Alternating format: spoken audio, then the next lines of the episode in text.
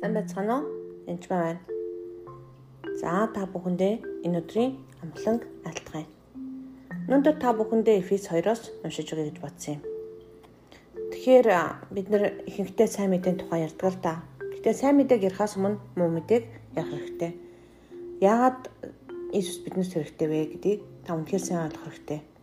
Та бидний мэддэг сайн мэдээ маань яг юунд хэрэгтэй гэдгийг бас бүрэн ойлгож мэдэх хэрэгтэй гэсэн. Тэр Эфес 2-оос уншия.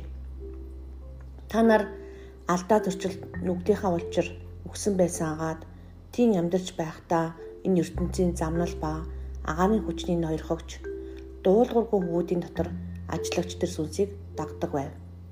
Тэр бид үнэхээр нүглийнхаа учир өгсөн байсан. Сүнсээр хичнээн та амьдрал дээр дэлхийд амьд байгаа ч гэсэн сүнсний хувьд хүмүл байсан гэсэн үг бас үнэхээр тэр үедээ ямар байсан бэ гэдгээр бид нэр дээр агаарын хүчний ноёрхогч буюу муу сүнсийн ноёрхогч дор тэр сүнсийг дагдаг байсан гэсэн үг. Тэгээ тэдний дунд бид ч бас бүгдээрээ урд нь махбод болон оюун бодлынхаа хүслүүдээ өөгшүүлэн махбодынхаа хүсэл тачаалуудаар амьдарч байв.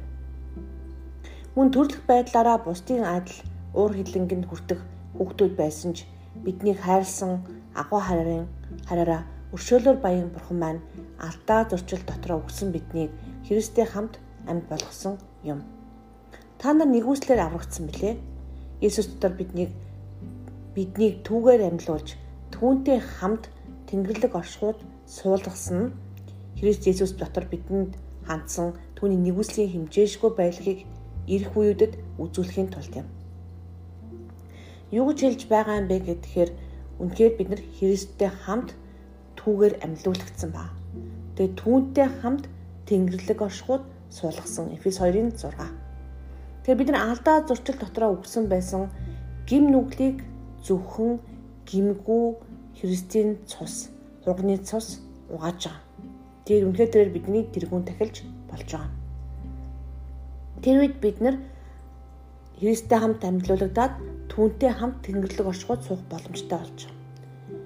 Яагаад вэ гэх юм бол бид нар Бурхантай хамт ойртож чадахгүйсэн харин гим нүгэл угаагдах үед бид нэр Бурхантай ойртох боломжтой болсон гэсэн. Энэ бол сайн мэдээ. Тэгээд нэгүслийн учир итгэлээрээ аврагдсан та нараас бус харин Бурхны бэлэг бөгөөд үйлсээр чинь биш тул хинч үл сайрхах болтугай гэж хэлсэн байна. Учир нь бид сайн үйлсийн төлөө Христ дотор бүтээгдсэн түүний бүтээл мөн. Биднийг эдгээрийн дотор яваасаа гэж бурхан урдаас бэлтгэсэн мөлий. Тэгэхээр бид цааш нь унших юм бол 12 дугаар эшлэлийн цаашлаас ертөнцид ямар ч найдваргүй мөн бурхангүй байсан ба. Харин нэгэнтээ ас хол байсан та нар идэггүй Христээс дотор Христийн цусаар ойр болж байгаа. Хинтээ ойр болж байгаа юм бэхэр яг үндэ бурхантай ойр болж байгаа. Тэгвэл тэр бидний амар тайван мөн. Тэгээ бид нар бурхан хүн хоёр хол байсныг а дайсгалж гин нүглээс болж дайсгалж хуваагдсан байсныг тэр ханыг Христийн тусаар нураач. Тэгээд бид түүн дотор цоошин бүтээл болж байгаа. Тэгээд загалмаагаар бурхантай эвлэрүүлснээр дайсгалыг хөнөөж байгаа. Тэр үнэхээр тэр ирж ас бол байсан та нар амар тавныг болон ойр багсд амар тавныг томголч чана. Тэр бидний дотор зөвхөн амар тавныг өгөөж тусахад бид нар сайн мэдээгээр дамжин загалмаа дээр яг хуучин хүнээ өгөхөд өхүүлээд тэгээд цоошин бүтээл болоод дээшээгээ өргөгдөн түүнтэй хамт тэнгэрлэг оршихуд суух боломжтой болж байгаа.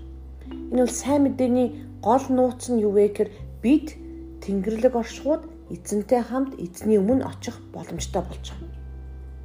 Энүүдээ та эзэнтэй ярьж болно, эзний өмнө алхаж болно, ажил үйлчлэл хийж болно. Гэтэ үнэхээр сайн мэдээгээр дамжуулан тэнд очиж байгаа. Дандаа тэгж очдог шүү. Тэгэхээр сайн мэдээ үргэлж хэрэг болдоо гэсэн. Тэр нэгсэндээ 18 дахь эшлээс унших юм бол аль аль нь нэг сүнсэнд Христээр дамжин эцэгөөд очих замтай болжээ.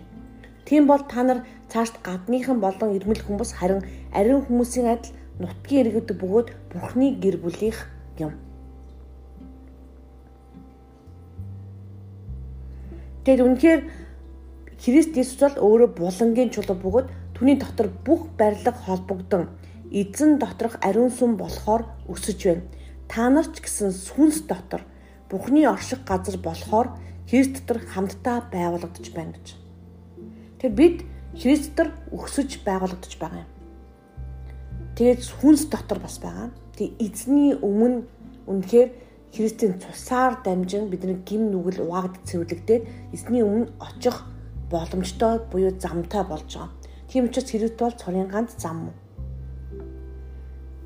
Энэ хэсгийг үнэхээр бяцлахаж уншиж ойлгороо. Тэгэхгүй бол буруу ойлгох юм бол аа зүгээр л сайн мэдэн штэ. Бид нар сайн мэдээ үлээд Христийг хүлээгж авсан гэдэл болоо. Гэт Христэд дамжуулан эзний өмнө очно гэдэг бол Тэнгэрлэг оршихуд очно гэдэг бол үнэхээр гахамшигтай зүйл шүү. Та түнтэй хамт ярих, суух, хоол идэх бүх боломжтой болсон гэсэн. Тэгээ энэ бүхнийг бүрэн ойлгох болтугай. Эзэн Есүс Христосийн нэрээр